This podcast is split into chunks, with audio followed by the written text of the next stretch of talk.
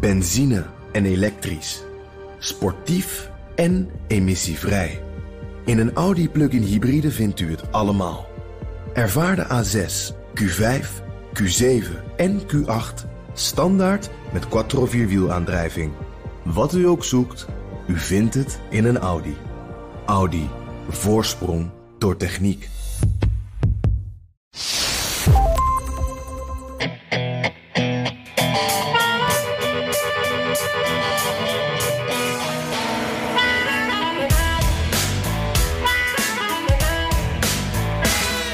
Amerika gewend aan massa's massamoorden. Buiten het oog van de camera's om gaan de schietpartijen en het andere geweld gewoon door. This has to end. It's a national embarrassment. Het is om je rot te schamen, zei een zichtbaar verontwaardigde president Biden. Maar met alleen schaamte kom je er niet. En over moord en doodslag gesproken, we zijn in afwachting, een beetje bange afwachting kan ik wel zeggen, van de juryuitspraak in het proces tegen de agent die meer dan negen minuten zijn knie op de nek van George Floyd drukte. Mijn naam is Jan Posma vanuit een fris Minneapolis. En ik ben Bernard Hammelburg vanuit Studio Hammelburg. Jan, je bent voor de Telegraaf bij het proces tegen Derek Chauvin. Iedereen, nou ja, houdt rekening met ongeregeldheden. Want in beide kampen, voorstanders van schuldig en onschuldig, lopen de emoties enorm op. Ja, ja dat kan, uh, kan je wel zeggen hoor. Ik uh, was ook voor de Telegraaf. Dat, dat was te lezen in de krant van dinsdagochtend trouwens. was ik ook even aan het kijken in Brooklyn Center. dat is het, zo'n klein voorstadje van Minneapolis. Of zo klein is het niet, maar een voorstadje van Minneapolis. En daar werd Dante Wright doodgeschoten. Hadden we het in een eerdere podcast over. die, die, die man, jonge man, die ja, werd neergeschoten omdat de agent de taser en een pistool verwisselde. En ik ik moet zeggen, Bernard, daar broeide het echt. Er was boosheid, er was frustratie. Uh, er waren ook rellen afgelopen week. Uh, je voelde echt dat de wonden daar heel vers waren. Mensen waren daar echt nog heel boos en verontwaardigd. En, en, en dat is maar, maar 20 kilometer van het gerechtsgebouw. Uh, daar zit ik hier nu om, om het hoekje, het gerechtsgebouw... Wat, wat echt een fort is op dit moment... met allemaal betonblokken eromheen. er staan militaire voertuigen, de Nationale Garde... grote hekken en, en nou ja, van alles aan beveiliging in de binnenstad. Waar het verder ook, behalve journalisten en betogers, is daar helemaal stil. Dus echt een onheimisch gevoel hier. En, en om nog even een voorbeeldje te noemen. Uh, een getuige, deskundige uh, voor, voor de verdediging. Uh, gepensioneerde politieman. Die, die had verklaard dat de verdachte Chauvin dus redelijk had gehandeld. Nou, die vond een varkenskop voor zijn deur. Uh, gevel van het huis in, in Santa Rosa in Californië was helemaal beklad met bloed. Uh, nou, die agent bleek daar al lang niet meer te wonen. Dus dat is dubbel verkeerd, zullen we maar zeggen. Maar dat illustreert echt de sfeer.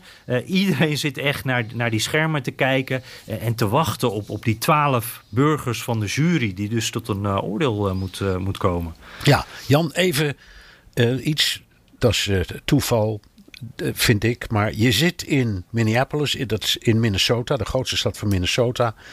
En daar kwam ook Walter Mondale vandaag, uh, vandaan. En die is net overleden op 93-jarige leeftijd. Daar moeten we even bij stilstaan. Senator voor Minnesota. Uh, van 77 tot 81 vicepresident onder Jimmy Carter. En dat was nog in de tijd dat een, um, een presidentskandidaat, als die uit het zuiden kwam, zoals Jimmy Carter, die kwam uit, uit Georgia, om, om eh, electorale redenen een running mate moest bijzoeken uit het noorden of noordoosten van het land. Dus dat hm. was Walter Mondale uit uh, uh, Minnesota. Uh, maar hij is nooit echt een topper geworden, toch, die Mondale? Ja, nee, het, het, is ook uh, de man van de eerste vrouwelijke running mate. Hè? Daar moest ik nog wel even aan denken. Uh, nu we natuurlijk de eerste vrouwelijke ja. vicepresident hebben. Toen was het Geraldine Ferraro.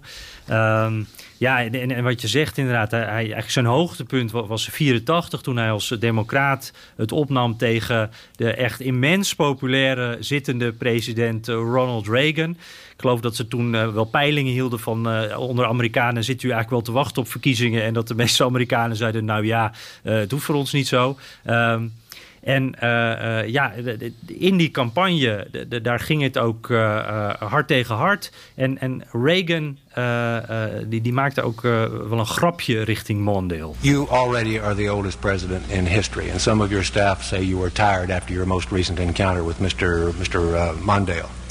Um, I recall yet that President Kennedy had to go for days on end with very little sleep during the Cuba Missile Crisis. Is there any doubt in your mind that you would be able to function in such circumstances? Not at all. Mr. Truitt, and I, and I want you to know that also I will not make age an issue of this campaign. I am not going to exploit for political purposes my opponent's youth and inexperience. En Bernard, dit is die ene quote, dat ene citaat waar ik altijd aan moet denken als ik aan Mondale denk. Dit is die, die grap van Reagan over de, de leeftijd. Van, uh, er werd dan gezegd van nou is Reagan niet wat te oud voor nog een keer presidentschap. En dat Reagan dan zegt nou ik zal de onervarenheid, de jonge leeftijd van mijn tegenstander zal ik niet tegen hem gebruiken. En iedereen, ook de vragensteller bij het debat, de, de moderator die moet lachen. En Mondale zelf moest ook lachen. Maar ik vond het ook wel een beetje sneu. Uh, ik weet niet hoe jij er tegenaan kijkt, maar overal hier nu, zelfs bij de lokale tv-stations, dan wordt altijd dit citaat uh, genoemd. Dus hier, zo wordt Mondale herinnerd als die man die moest lachen om, ja, om deze goede grap van Reagan, waar je eigenlijk niet voor terug kan komen. Nee, het was typerend voor Reagan. Zo heeft hij ook Carter verslagen hè, in, in, de, in, de, de campagne vier jaar daarvoor. Toen um, um, Carter was ontzettend bezorgd over het lot van de wereld en kernwapens en noem maar, maar op. En op een bepaald moment begon hij daar dan in een debat een heel verhaal over te houden. En toen zweeg Reagan en keek hem aan en zei: There you go again. Ja. En toen was het af, afgelopen. Ja. Toen was het afgelopen met, uh, met Carter. Ja. En, dat, en, daar was hij fantastisch in. En, en ja, ja, hier moeten we. Kijk, het was gewoon geestig. Dus ook als hij overlijdt, ja, dan laten we dat fragment toch allemaal even weer horen en zien. Ja, precies. En als je dan terugkijkt, het is een beetje de mythevorming uh, waarschijnlijk. Maar, maar dit citaat wordt toch wel eens genoemd voor, voor als de doodsteek. Het moment van, ja, dat, dat het echt duidelijk werd dat het niks ging worden. En Reagan die won, nou, ik geloof 49 van de 50 staten, uh, Minnesota, ja. waar hij vandaan kwam. En, en, volgens mij Washington DC ook nog. Maar ja. Washington DC, ja, maar dat is geen staat. Nee. Tenminste, nog niet. Nog niet. Nee, nee, er wordt wel over nee. gesproken, maar nog steeds niet. Ja. En uh, ja, ik, ja en, en Bernard, hoe zit het eigenlijk? Want ik, eigenlijk dacht ik, elk moment ga jij nu zeggen dat jij Mondale vast een keer hebt ontmoet of een keer hebt geïnterviewd. Is dat gebeurd? Of, uh... ja. Ja hoor, ik, ik heb die campagne van uh, Reagan en Mondale destijds gevolgd. Um, en ook de conventies. En ik heb uh, met uh, Geldy Ferraro destijds gesproken. Ja. En ook met Mondale. Niet met Reagan, die was in de, in de campagne daarvoor nog wel benaderbaar. Maar toen hij helemaal president was, werd het heel moeilijk. Ja. Dat, en dat had er ook mee te maken dat hij, dat is een control freak. Dus die kon niet spontaan vragen beantwoorden. Dat was, hij kon fantastisch speechen, maar spontaan vragen beantwoorden. Hij leek Joe Biden wel, zou ik maar zeggen. ja, ja, ja, ja. En, en die ja. wat, hoe zou je hem uh, typeren? Hoe kwam hij op je ogen? Oh, oh ik, als, als een dood en doodfatsoenlijke man. Uh, een hele ouderwetse, ik zou zeggen een ouderwetse liberaal. Maar dan in, in Euro, Europese zin. Iemand die echt in ergens in het centrum van de politiek stond. Niet uitgesproken links of rechts. En heel, ja, heel, heel slim, heel goed, uitstekende jurist. Hij kon heel goed oordelen over de relaties met het buitenland. Was een uitstekende adviseur voor Carter. En Carter heeft ook eh, bij het overlijden gezegd. Eigenlijk is, is Mondale, mijn vicepresident, de man gezegd, geweest die in de moderne tijd het vak van vicepresident op de kaart heeft gezet. Ja. Ah. Dus, dus het is best een interessante man. Maar ja, het was geen eh, politiek dier, zal ik maar zeggen. Nee, precies. Dat, uh, nou ja. Ja. hey, Jan. Uh, we moeten even terug naar het nare nieuws. Het is niet anders. Uh, ja, andere tijden terug naar de onze. Ja, de, de dat, die mass shootings we weten dat dat in Amerika vrijwel dagelijks gebeurt. Het gaat zelden om daders met politieke motieven.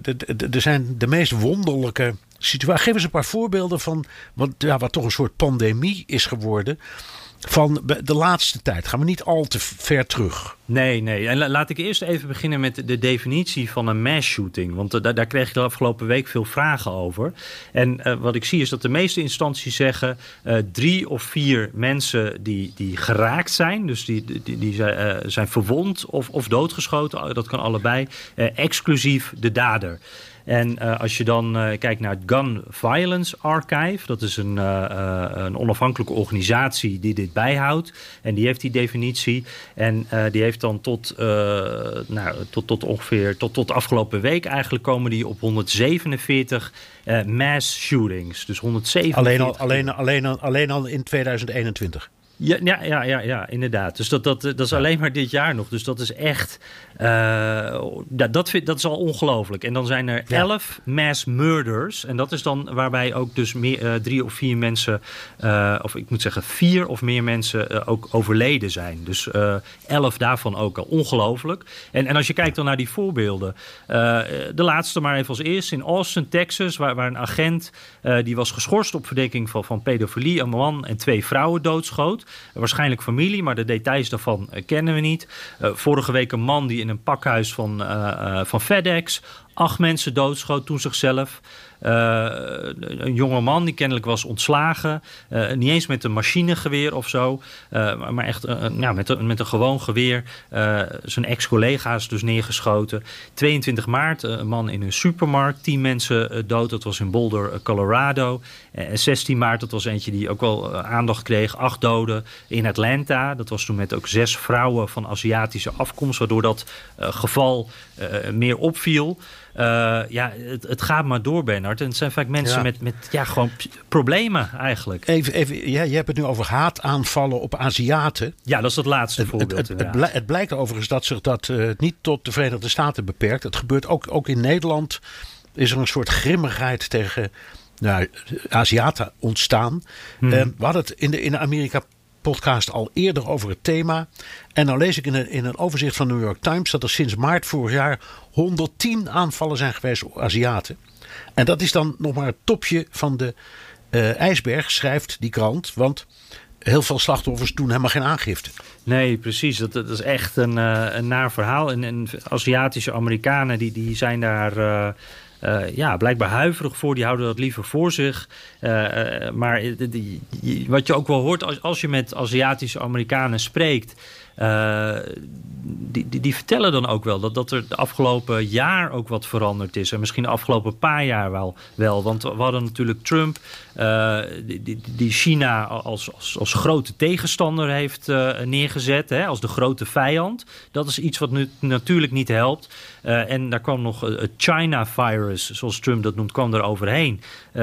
ja, dat coronavirus, wat, wat via China toch ook naar de VS is gekomen. Dat, ja, daar geef, gaf Trump China ook duidelijk de schuld van. En, en dat heeft echt wel wat uh, ja, woede gegenereerd tegen die Chinese Amerikanen. Die natuurlijk uh, ja, uh, van Chinese afkomst zijn, soms generaties terug, maar gewoon ook echt Amerikaan zijn. En natuurlijk met dat virus helemaal niks te maken hebben. En ook sorry, ook in veel gevallen uh, niet Chinees zijn. Want uh, als je Thai bent of Vietnamees, Cambodjaan, Japanner, ga maar door. Je, je, kan er een beetje zo uitzien. Je ziet er Aziatisch uit, maar dat wordt dan toch als Chinees opgevat. En nou, ja, het is echt tragisch. Ik, ik, ik, ik, kan me nog herinneren dat nog niet heel lang geleden las ik ook een berichtje. Uh, het tweede berichtje alweer dat Aziatische Amerikanen massaal wapens inkopen. Dat was ook al aan het begin van de coronacrisis. Uh, nu weer. Ja, de Aziatische Amerikanen zijn bang. Ja.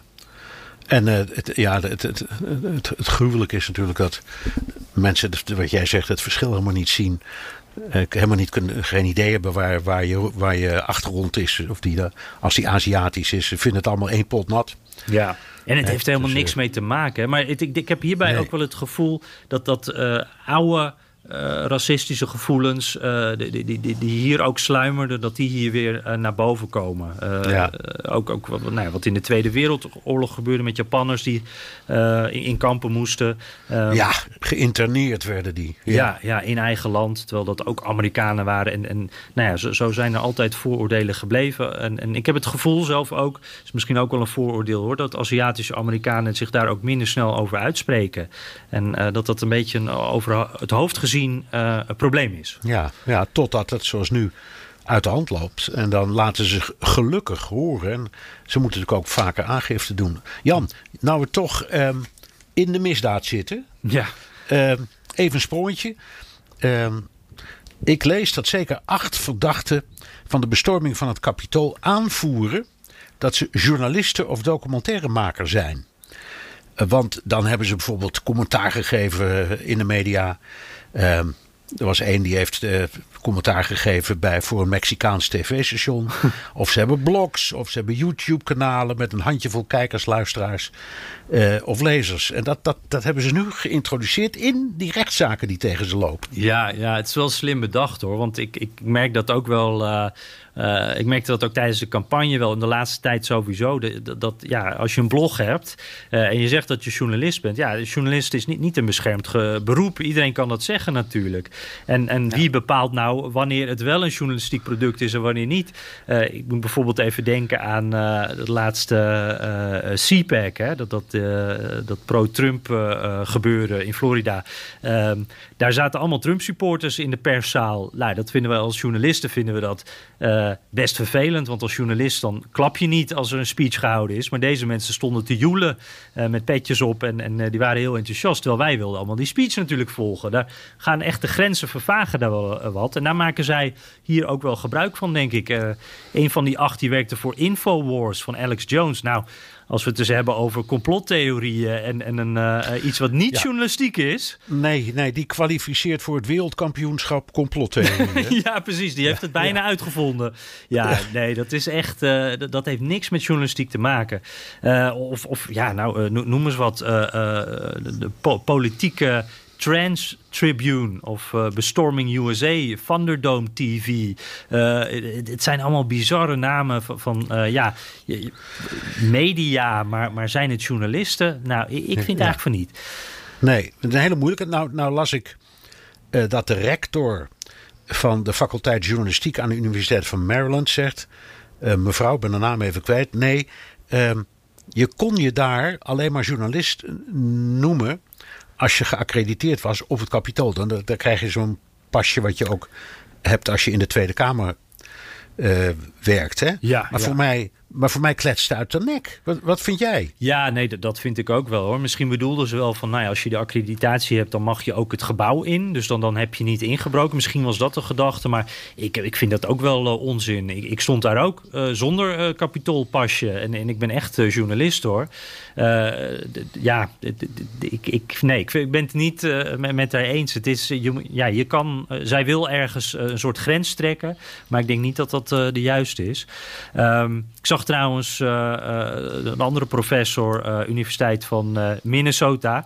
Dat is een beetje de rode draad deze, deze week. Die zei van een perskaart betekent niet verlaat de gevangenis zonder betalen. Het is geen vrijkaart, zeg maar.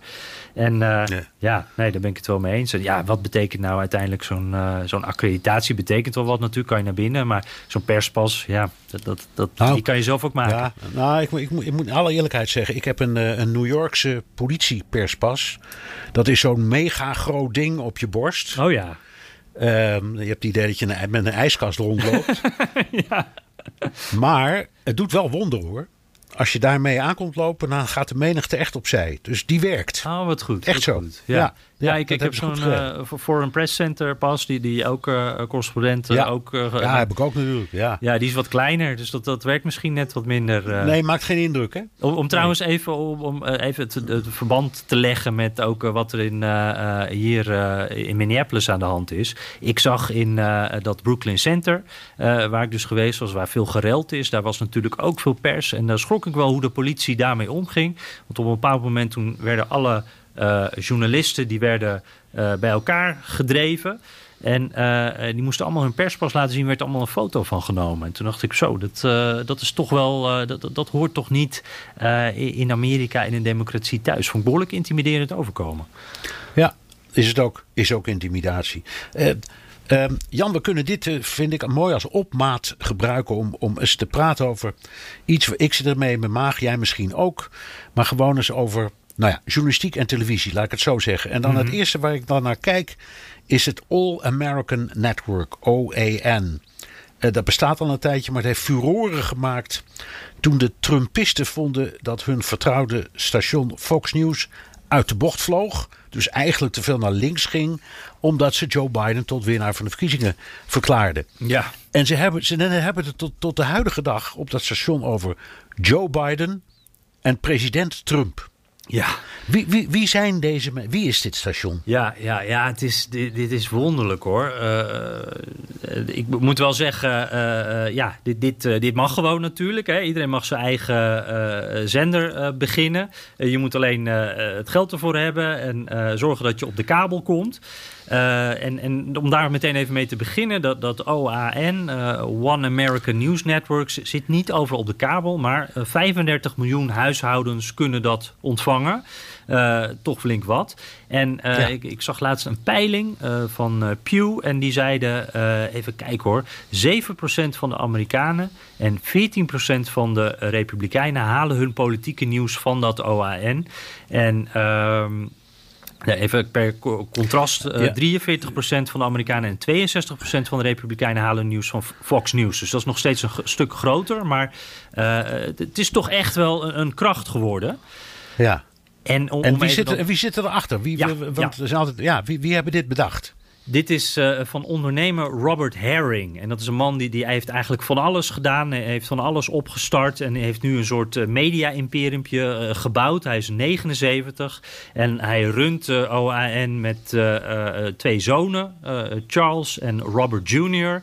En die hebben zo'n 150 man zitten. Dus flink, flink veel mensen. en ze zitten in San Diego. En het is echt ja, dit is echt de Trump-TV. Uh, ja, jij noemde het al. Hier wordt nog steeds openlijk getwijfeld over de verkiezingsuitslag. En, en jou, wat jou, jij, jij, noemde dat net als voorbeeld. Dat blijft toch steeds iets bizars hoor. Dat het president Trump is. En, en dat Biden is gewoon Joe Biden. En, en als het bijvoorbeeld over die bestorming gaat waar we het net over hadden. Dan gaat het er nog steeds over. Oh, dat is door Antifa. En door, door, de Democraten is dat opgezet. Uh, er stond afgelopen week een interessant verhaal in de New York Times... waarin uh, een paar medewerkers uit de school klapten... en vertelden dat ze dat, die verhalen eigenlijk vaak zelf ook helemaal niet geloven... daar niet achter staan. Uh, nou, dat werd natuurlijk gretig opgeschreven door de New York Times... en daar was in ieder geval één bron was, nu daarvan ontslagen. De, de, dus ja, het, het, is echt een, een raar... nou, niet-journalistieke organisatie in ieder geval dit hoor. Nou ja, nou ja dat is nu de vraag. Hè? Daar een beetje waar we het over hebben. Want als we uit, je, je zei het zelf, straks zelf ook al. Het is niet een beschermd beroep. Er is ook geen goede definitie van wat nou een journalist is. Mm -hmm. uh, ja, is dat iemand die heel hard zegt wat hij vindt? Uh, of mensen aan het praten krijgt die zeggen wat hij wil horen. Want dat gebeurt natuurlijk ook heel vaak. Uh, is dat dan wel of niet journalistiek? Ik vind het een hele moeilijk hoor, zelf ook. Ja, ik, ik vind zelf dat daar waar zij echt, duidelijk over een grens gaan, uh, dat is bij die verkiezingsuitslag. Als jij nu nog steeds blijft volhouden dat, daar, nou ja, dat de president de president niet is, dan negeer je de feiten. En uh, dan, ben je eigenlijk, dan ben je gewoon iets aan het vertellen wat niet waar is. En waar je geen onderbouwing ook voor hebt. Daar kan je niet een meningsverschil over hebben. Uh, dat klopt gewoon niet. En, en dan ga je denk ik wel echt een, uh, een, grens over. Ja. En dan heb je nog een paar andere. je hebt dus Fox. Ja, dat is een uitgesproken conservatief bolwerk. Dat is ook zo opgezet met die bedoeling en die boodschap en de opdracht van de eigenaar, Rupert Murdoch. Die kant moest het uit. Hebben ze ook heel keurig gedaan, kun je zeggen. Ja, zijn ze ook wel open kant, over? Daar zijn ze ook heel open over. En dan heb je aan de andere kant CNN en MSNBC. Um, en die zijn dan die zijn eigenlijk links. Als je het daarmee vergelijkt. In ieder geval heel, heel erg pro-democratisch vaak. Mm -hmm. Maar die pretenderen allemaal dat ze echte journalisten zijn. Um, terwijl ik toch af en toe het gevoel heb dat ik niet naar een televisieuitzending, maar naar een kerkdienst zit, zit te kijken. Want, want ja, zo is die Redi-TV ook ooit ontstaan. Met dominees die genoeg geld hadden ingezameld om, om zendtijd te kopen. En dan gingen ze daar, pre, daar staan preken. En dan was het Halleluja, praise the Lord. Ja. Met gigantische kijkdichtheden en enorme omzetten. En nu, nu ik, ik pikte net, ik weet niet meer van wie. Ik denk van Fox News, maar weet ik niet zeker. Een ontzettend aardig uh, dingetje op. Daar had iemand het over rode en blauwe journalistiek. Hmm. Hoe vind je die? Ja, heel goed. Blauwe en rode staten en blauwe en rode journalisten. Ja. Ja. Ja, dat is echt een goeie. Het is natuurlijk hier ook anders dan in Nederland. Hier is het toch veel normaler om, om je kleur te bekennen. En, en, uh, ik, en hier zeggen ze dan... Uh, ja, maar dat is ook duidelijk. Tenminste, dat zeggen de hardliners dan. Van uh, ja, ik, uh, ik heb een politieke kleur. Elk mens heeft een politieke kleur, dus dat laat ik horen. Uh, ik ben daar eerlijk over. Maar ik moet zeggen dat ik zelf misschien naïef, maar toch meer van de school ben. Van we proberen onafhankelijk te zijn. En toch een, een, niet een Hosanna-verhaal, een politiek Hosanna-verhaal te houden, Bernard. Ja. Hey, en, en je noemt CNN al, hè? Dat is wel een interessante, want dat, het eerste kabelnieuwsstation. ik geloof iets van, ja, hoe oud is het eigenlijk? Is 20 jaar? 40. 40? Nee, ik denk 40. 40 ja. Ja, ja, ja. Ja. Heel lang een soort alleenheerser. En, en ik, ik, daar zie ik wel uh, ook iets gebeuren. Ook, ook tijdens de Trump-jaren is dat, denk, is dat echt, uh, heeft dat ingezet dat ze daar ook van nieuwszender. Ze zijn soms nog nieuwszender, maar soms zijn ze inderdaad ook uh, gewoon een blauwe zender, pro-democratisch. ik wou Obama Hosanna zeggen, maar ook Biden Hosanna. Nou, dat, ja, toen, toen was het er al een beetje hoor. Ja. Wat was, hoe, en, hoe is dat volgens jou gegaan? Helemaal niet zo. Helemaal niet zo. Ik heb de oprichting meegemaakt. Sterker nog, toen, toen Ted Turner het bedacht. Cable News Network. Ja. Die, was rijk, dat was een, die was rijk geworden met een, een lokaal station in Atlanta. En daar zond hij um, sportwedstrijden uit van de Atlanta Braves. Daar was hij eigenaar van. Dus dat was heel, heel handig. En speelfilms. Want hij had een groot deel van, ik geloof het archief van uh, de filmotheek van uh, Metro Goldwyn Mayer gekocht. Ah. Dus hij, zond, hij zocht stond films uit en sportwedstrijden. En op het hele een halve uur nieuws, maar alleen in audio. Dus een soort radio um, nieuwsbulletin zat er dan in. En daar, daar, en daar had hij ontzettend veel geld mee verdiend. En die heeft dat concept van CNN bedacht. Want hij, hij vond dat je de, de, ja, het nieuws eigenlijk in elke huiskamer moest brengen. Maar hij had een uitstekend verdienmodel bedacht. Want hij is begonnen met het sluiten van deals met hotelketens in de hele wereld. Mm. Uh, dus ja, hij ging naar Marriott en Hilton en, noem, en Sheraton en noem ze allemaal maar op. En dan zei hij: Ik kan, als je dat wil, in elke kamer van jou zorgen dat er een Engelstalig, Amerikaans nieuwsstation komt. Dat je altijd op de hoogte houdt van het allerlaatste nieuws. En dat was in het begin bij CNN ook echt zo. Uh, dat, dat, was een, wat dan heet een rolling news formaat. Dus de, er kwam steeds een andere presentator. Maar wat, wat ze deden was gewoon het nieuws volgen. Het financiële nieuws, het sportnieuws, uh, het autonieuws, alles. En dat liep als een trein. En, en daar, daar, daar steunt Fox of CNN nog steeds voor een groot deel op. Ja. Op dat, op dat verdienmodel. Dat is een gouden idee om die hotel deal te sluiten. Ja. En daarna zijn ze begonnen met het veroveren van de wereld. Want toen kwam ook de, de kabeltelevisie op. Hè? Die bestond in 1979, 80, 81, 82. Toen bestond dat allemaal eigenlijk nog niet. Toen hadden de mensen um, of nog van die uh, antennes op hun dak. Of in Amerika op het platteland zag je dat heel veel. Zo'n sprietje dat Ja. achteruit de televisie uh, zakken. Daar kon je dan gemiddeld vijf tot zeven stations mee ontvangen. ABC, CBS, NBC. Um, het, het gewone Fox, zal ik maar zeggen. Dus niet Fox News, maar het gewone Fox kanaal. Uh, en dan had je twee lokale stations. En, en er moest wettelijk altijd één station op zitten van PBS, de Public Broadcasting Service. Want die deden dingen zoals Sesame Street en, mm -hmm. en onpartijdig nieuws. Dus dat, dat stond bij wet, moest dat zo. Uh, en we kregen dus, ja, tot die tijd was het idee, het nieuws kreeg je van Walter Cronkite om, om, om zeven uur s'avonds op, op uh, CBS. Mm -hmm. En had je, wel, had je bij NBC en, C en, en ABC had je concurrenten, maar CBS was de grote gangmaker.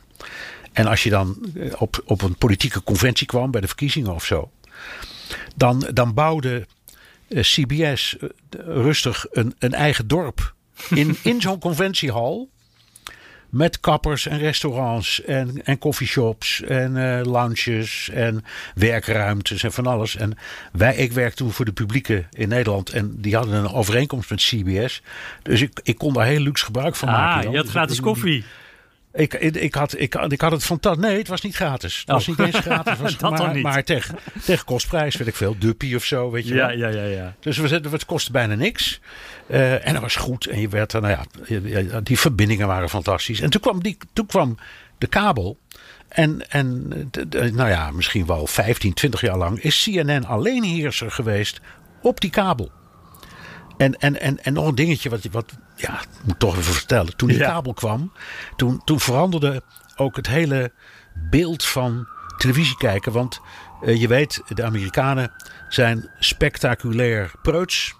Dus op gewone network television, daar, eh, ja, daar, daar mocht er geen schutting worden, worden gebruikt. Dan hoorde je zo'n piep, weet je wel. Ja, ja. Eh, en, en, en nou ja, als er een tepel zichtbaar was, dan werd het station, werd het station van regeringswegen gewoon gesloten. Eh, dus het was, het was heel erg van de lange rokken en de parelkettingen en mannen die nog stropdassen droegen. Ehm, en toen kwam kabel en daar golden al die regels niet voor. Dus daar kon je gewoon elk woord roepen dat je wilde. En je kon naaktscènes hebben. Het maakte allemaal niet uit. En daar zijn heel veel van die kabelstations groot mee geworden. Ehm, en eh, bijvoorbeeld HBO, hè, dat afkorting is voor Home Box Office. Dus een kanaal waarop je thuis films kunt kijken en documentaires. Nou ja, die, hebben, die hadden de ene tegen, tegen softporn aanleunende productie na de andere. Op de plotseling zomaar het buis. Ook een, een soort revolutie. En, daar, en daarin bevond zich dan CNN dat toch op een bepaald moment zeker ehm, op het moment dat... eh, van de, van de, de Eerste Golfoorlog, weet je nog wel? Met, eh, toen eh, Ja. toen de één, één verslaggever van eh, CNN achterbleef in, Ja. eh, en, en dan voor de hele wereld eigenlijk verslag deed. Ja, vanaf het balkon en dan zag je de flits ja. op de achtergrond. En, en Ja, later die groene nachtkijkers.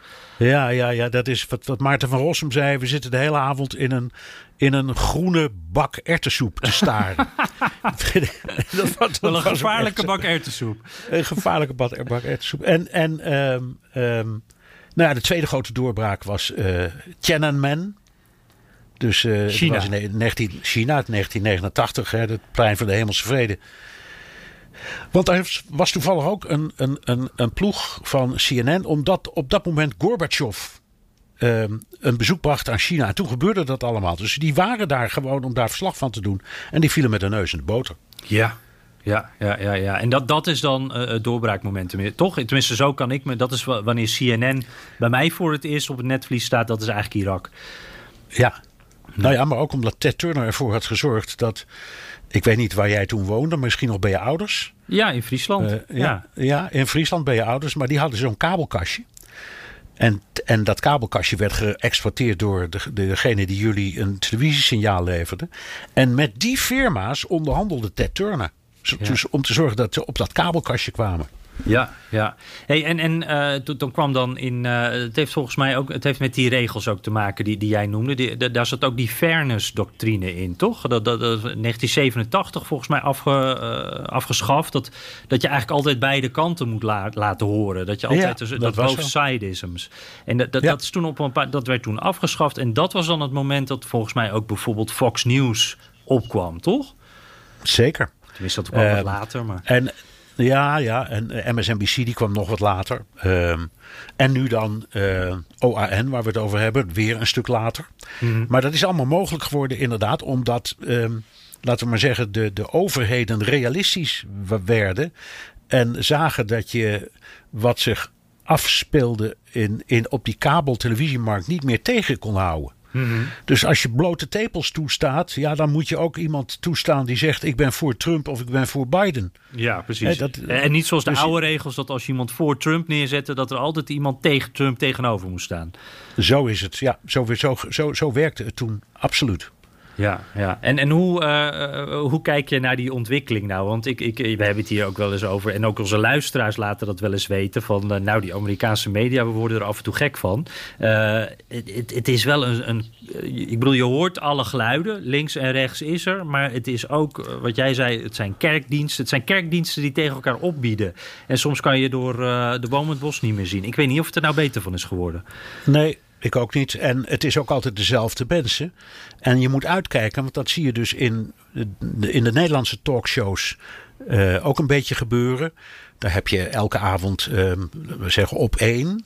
Maar elke keer hetzelfde groepje uh, deskundigen dat daar aan tafel aanschuift. Ja. En zo, zo op die manier is CNN ook gaan schuiven. Die, zijn eerst, die, die trokken de hele wereld rond. Het waren verslaggevers. Dus in zo'n programma zaten heel veel live verslagen uit het veld. Ja. Daar stonden, daar stonden mensen aan de Grieks-Turkse grens live en die lieten daar een reportage zien. Of midden in Irak, of, noem het, of, of, of in Jeruzalem, het doet er niet toe, of in Londen. Maar ze waren overal, overal bij. En ja, dat, het, het, het, het, het verslag geven, het gaan zoeken, het bekijken zelf met je eigen ogen van hoe het nieuws eigenlijk is, dat is vervangen door erover praten. Ja. Dat is Eh, goedkoper, wij, de- ja, wij kunnen in de spiegel kijken op dit moment. Want wat doen wij dan? Maar oké. Ja, precies. Ja. Ja. Maar je, wat, je, wat je dus doet, is je zet een, een, een presentator eh, achter een tafel. In Amerika is dat dan iemand met een uitgesproken mening. En die heeft dan vier of vijf mensen om zich heen die allemaal die mening delen. Ja. Ja. En dan zit er soms voor de goede orde één bij van de andere kant. Omdat, het, omdat, ja, nou ja, omdat ze denken, dan, dan lijkt het nog wat. Maar het is natuurlijk allemaal nep. Ja. En het is heel moeilijk als je, als je echt oprecht geïnteresseerd bent in wat er nu echt speelt. Ja, de, de enige manier waarop je dat kunt doen, Jan, is zoals jij dat doet. Namelijk gewoon met je eigen ogen gaan kijken. ja. Op locatie, het land in. Dat is echt de enige manier. Dat is ook eh, tevens eh, de leukste manier. Dat eh, altijd. En ik moet ook wel zeggen, Ja. inderdaad, wat jij noemt, die paneltjes. je, je kan altijd aan de grootte van het paneltje zien hoe groot het nieuws is. Ik, je hebt, ze, ze- zitten hier soms wel eens met twaalf man aan een tafel. Ook met corona. De- en dan, ja, dan zit je naar zo'n vol scherm met allemaal duiders te kijken. En dan denk je inderdaad wel eens van, oh, was er maar één iemand extra gewoon op pad in plaats van aan die tafel. Zo is het. En dan, dan hebben ze af en toe wel beeld, maar dat is dan meestal om hun stellingen te ondersteunen. Dus bij, ik zal maar zeggen, bij het drama aan de grens, want dat is het op het ogenblik, laten we zeggen, de, het drama van Bidens eh, eh, grenspolitiek in het zuiden. Daar gaan zenders als OAN en, en Fox, die gaan dan met een camera op een tamelijk klein stukje staan, eh, waar op dat moment veel drama aan de gang is. En ehm, CNN zal de neiging hebben om op een heel ander punt te gaan staan. Waar je alleen maar fluitende vogeltjes hoort. En, en tevreden mensen die daar ergens op het veld werken. Dus dat soort dingen maakt het voor de kijkers en de consumenten. En ook voor ons, als ik mag zeggen, professionals. ehm, heel moeilijk om de vinger erachter te krijgen wat er nou echt gebeurt. Ja, ja precies. Ja. Dus dat eh, rode en dat blauwe eh, in de media, Ja, dat mooi, is niet hè? zo slecht gevonden. Nee, inderdaad. Nee, Ja. een mooi, mooi beeld. Hey, Jan. Ja. Ja, sorry. Nou ja, ik wou nog één dingetje zeggen. Van, eh, eh, de, de- laatste tijd, eh, Trump heeft het al voorspeld. Hè? Als ik weg ben, dan is dat slecht voor de kijkcijfers. Je merkt dat ook wel een beetje hoor. Je merkt dat die, die verschillende zenders, die zijn allemaal op zoek naar hun post-Trump geluid. Eh, hebben dat allemaal wel ook een beetje gevonden nu. Maar eh, je, je ziet ook wel dat er eh, wat minder mensen kijken. Dus op dat punt, ik ben wel heel benieuwd. Wat, wat denk jij? Want, want Trump, dat was Ja. natuurlijk heel een polariserend figuur. Ook in dat Ja. medialandschap. Die is nu weg. Wordt de media dan ook wat minder gekleurd misschien? Of wat, denk je daarvan? Nou ja, zeker. Kijk, ze zijn nu nog duidelijk aan het proberen. Ze gaan eigenlijk door. Ze spelen in blessuretijd. Hè? Dus er is nog steeds Trump en er is nog steeds Biden-Trump strijd. Eh, en daar, en daar, dat, dat smeren ze zo breed mogelijk uit. Alle, van alle kanten hoor, van beide kanten. Eh, omdat, het, omdat dat inderdaad al die tijd kijkers trok. En nu zullen ze iets nieuws moeten verzinnen. Ehm, en eh, nou ja, wat, wat Fox en OAN betreft is de keuze al gemaakt. Dat wordt vier jaar lang campagne tegen Biden. Eh, en dan maar kijken of ze dat goed genoeg doen om daar weer kijkers mee te trekken. Dat weet ik niet.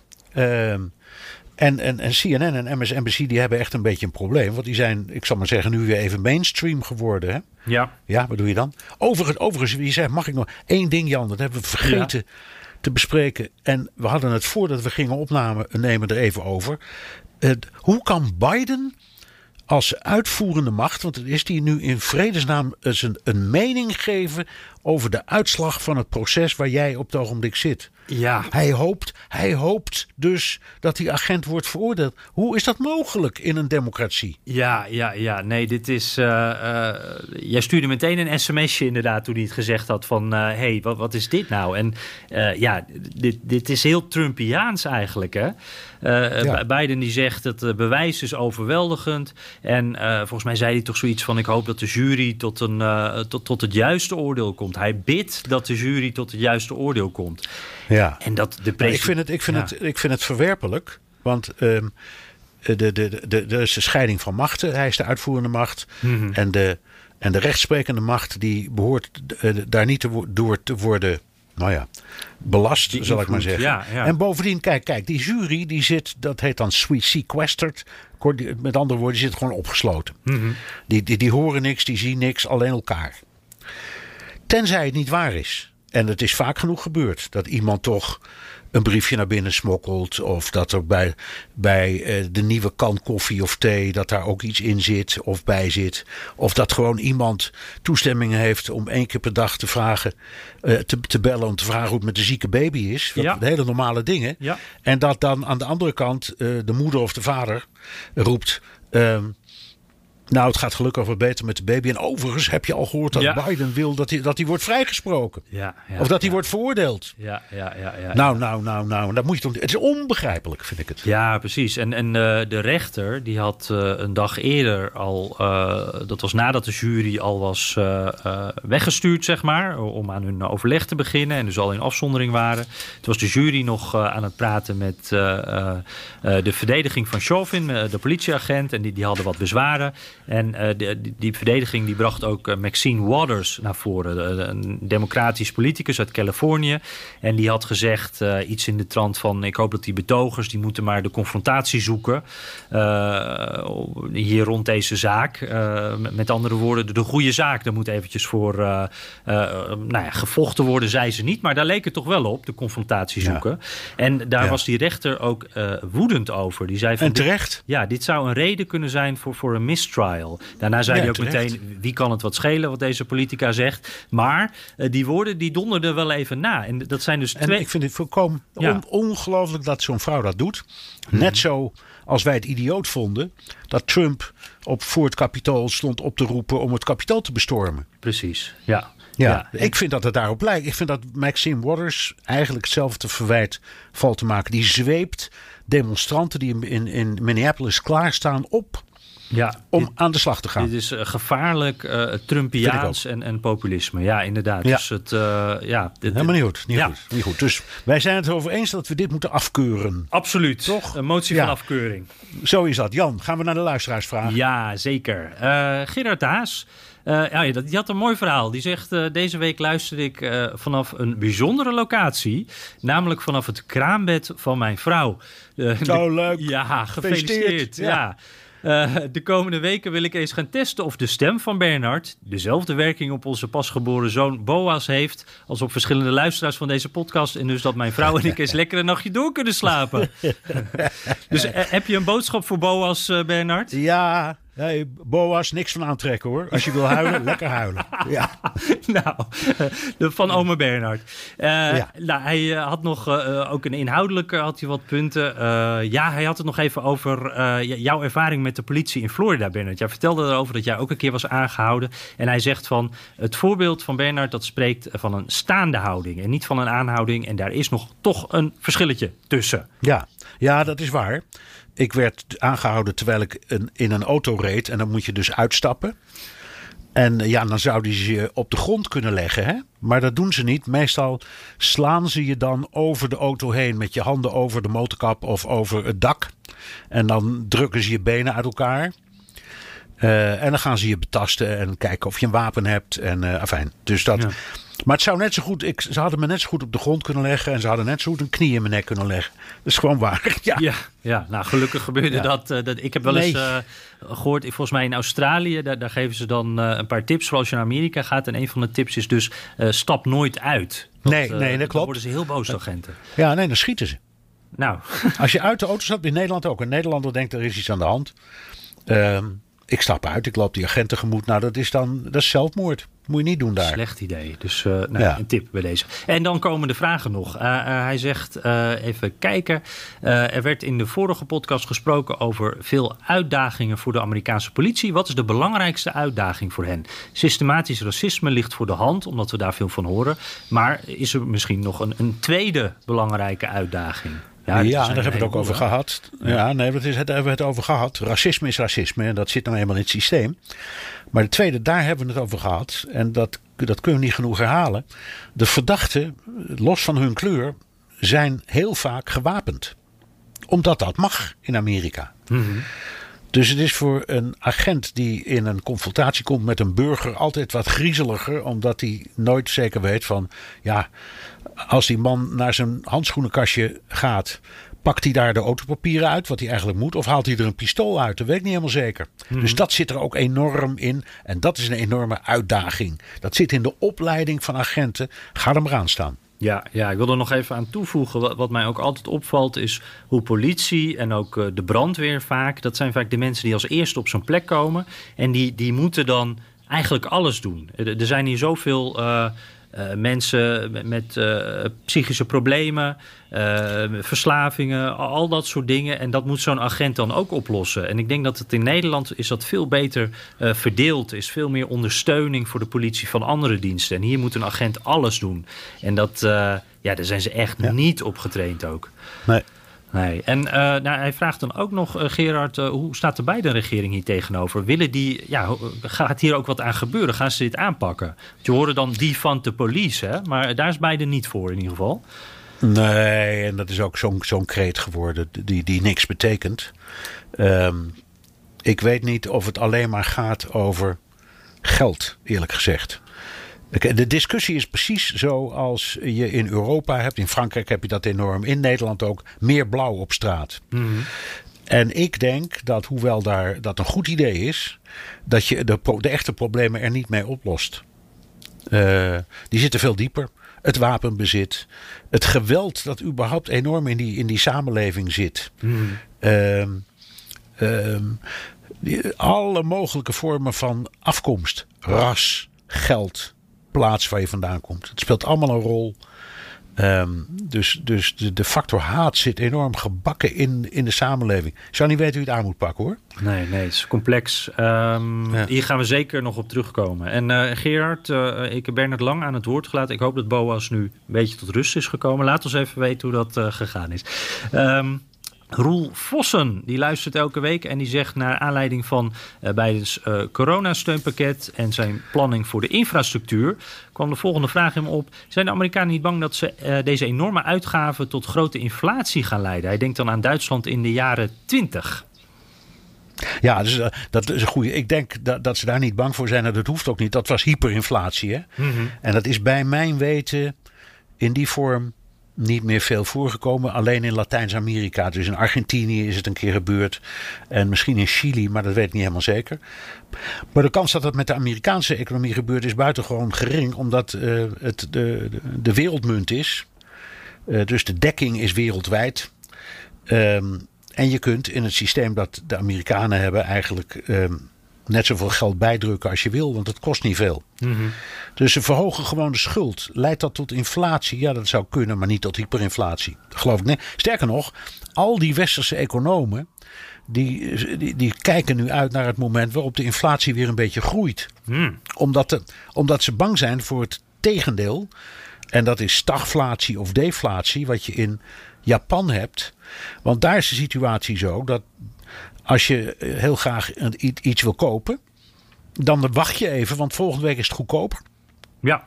Ja, ja, ja. Dan heb je liever een beetje inflatie. Dus, dus ik denk dat het meevalt. Oké, okay, nou, uh, we gaan er even snel een paar doen. Uh, Victor Boersma, uh, die vraagt, ja, die kijkt al ver vooruit naar de volgende presidentsverkiezingen. Als Trump mee gaat doen, moet hij dan ook nog zijn voorverkiezingen winnen?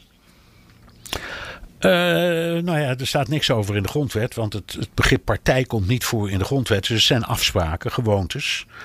Als, uh, wat eigenlijk de afgelopen verkiezing ook is gebeurd met Trump, de partij zegt wij gooien geen andere kandidaten in de strijd, dan is, zijn het, dan is dat winnen in al die staten alleen maar een formaliteit. Mm -hmm. Dus dan krijgt hij automatisch van alle staten de kiesmannen, die, alle kiesmannen in de Republikeinse Partij. Dus strikt genomen is het antwoord ja, maar praktisch gesproken is het antwoord nee. Ja, als, als Trump er maar voor zorgt dat alle uh, zuurstof uit de ruimte wordt gehaald. Dat, dat niemand. Ja, moet, geen tegenkandidaat, moet tegen geen tegenkandidaat komen, want daar gaat het verhaal niet meer op. Nee, precies. Hij moet iedereen een beetje intimideren dat ze niet gaan. En vooral heel populair blijven onder de Republikeinse kiezers. En dan hoeft het allemaal niet. Hey, uh, Sander Jansen, het valt me de laatste tijd op op YouTube, TikTok, dat steeds meer Amerikanen filmpjes maken hoe blij ze zijn om niet meer in Amerika te wonen en hun liefde voor het Europese land met meer socialistische waarden tonen. Is dit een nieuwe ontwikkeling of valt het gewoon weer op door de populariteit van TikTok? Nou, absoluut het voor mij absoluut het laatste. Ja, ja. Oh, zit, zit je op TikTok, Bernard? Nee, ik zit, nee, nee, dat dacht ik al. Ik zit niet, nee, nee, ik zit er niet op. Maar ik, ik, ongezien. Ja. Omdat uh, er zijn maar heel weinig men, uh, Amerikanen die naar Europa trekken. Nou ja, heel weinig. Het zijn natuurlijk toch wel, wel tienduizenden of zo die, dan, uh, die je dan ziet. Maar het is in het algemeen, het zijn mensen die heel erg veel van hun eigen land houden. Hè? Dus los van de politieke Amerikanen zijn ontzettend gebonden aan Amerika. Ja. En inderdaad, er komen Amerikanen naar Europa. Maar de meeste komen alleen maar omdat ze de toren van Pisa en het Rijksmuseum en, de wal, en de wallen willen zien. En een keer naar zo'n koffieshop. En dan gaan ze weer lekker naar huis. Ja, gaan ze snel weer terug.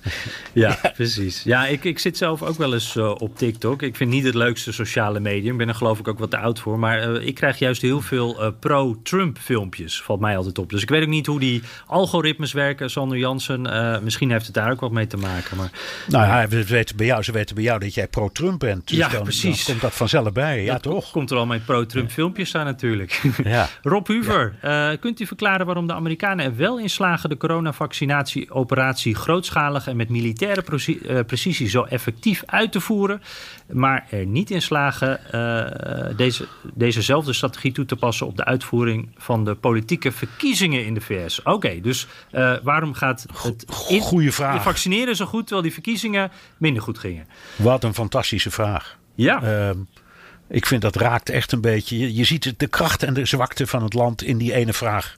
het is waar. Uh, het probleem, het grondprobleem is hetzelfde, namelijk er bestaat geen persoonsregistratie. Dus bij verkiezingen moet je mensen eerst zich laten registreren en daarna kunnen ze nog een keer naar zo'n hokje om te gaan kiezen. Daar zit de fout al ingebakken. En ook de discussie over of een, of een stem wel geldig is of niet geldig. Of het wel echt de echte persoon is of niet. Dus, dus 90% van de problemen zit in het feit dat mensen niet zijn geregistreerd. In het geval van corona is het precies omgekeerd. Daar hebben ze gezegd, iedereen die boven de, weet ik veel wat is, nu 16, 16 geloof ik. Ja. Ja, iemand 16. Die kan gewoon naar zo'n prikhok en ga maar in de rij staan of meld je aan online. Je bent welkom. En, en uh, ik, ik las een vreselijk aardig verhaal van Michael Persson, onze collega van de Volkskrant, jouw ja. collega van de Volkskrant, uit New York. Die, die zei: een van de geheimen daar um, is dat alles analoog is. Ze schrijven met een potloodje iets op een kaartje. Ja. En ik denk ook dat jij, jouw prikbewijs, dat jij al hebt, Jan. Ja. Uh, dat is waarschijnlijk met de hand geschreven. Dat klopt. Ja. Dat vertelt het hele verhaal.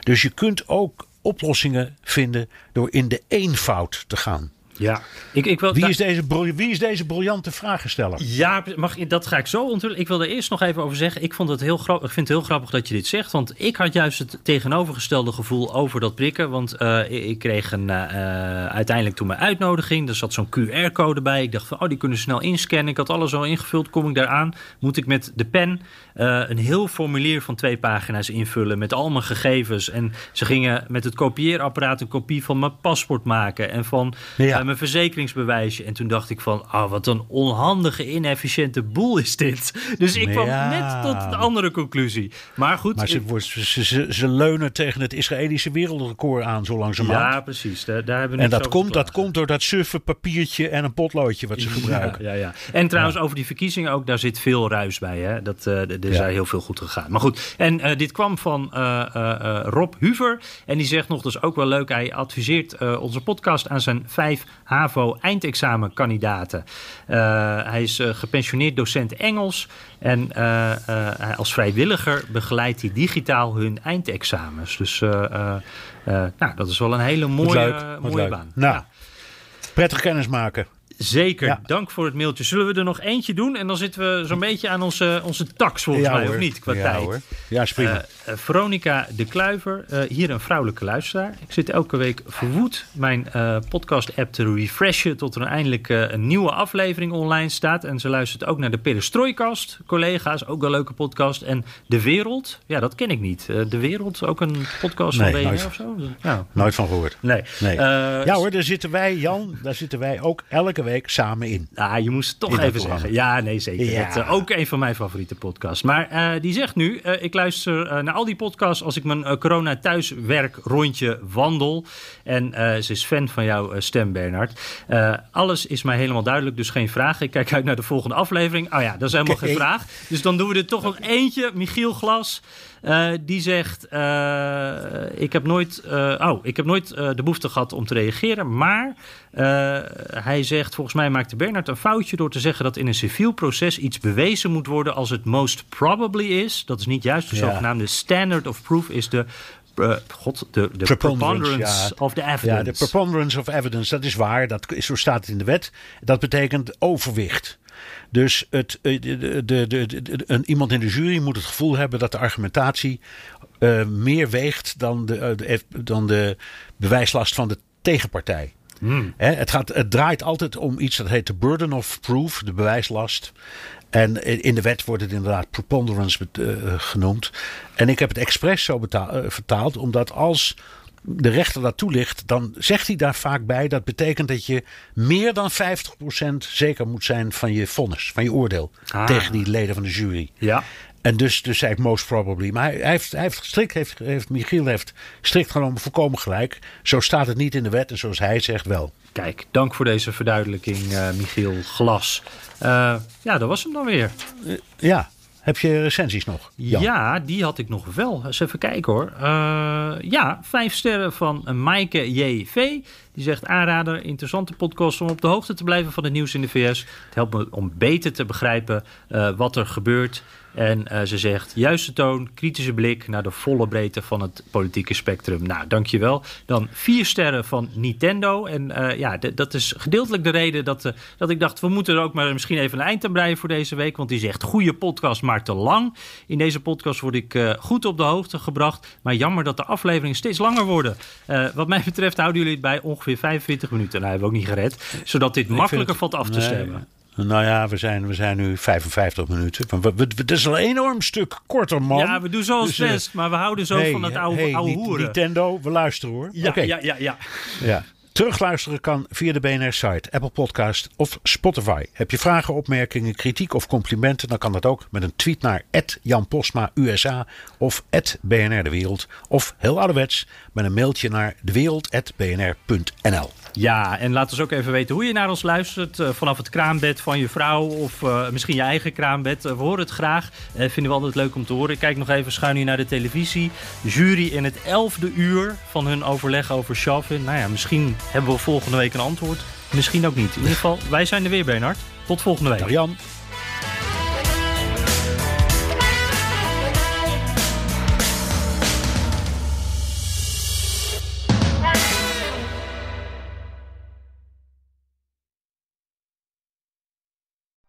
Benzine en elektrisch. Sportief en emissievrij.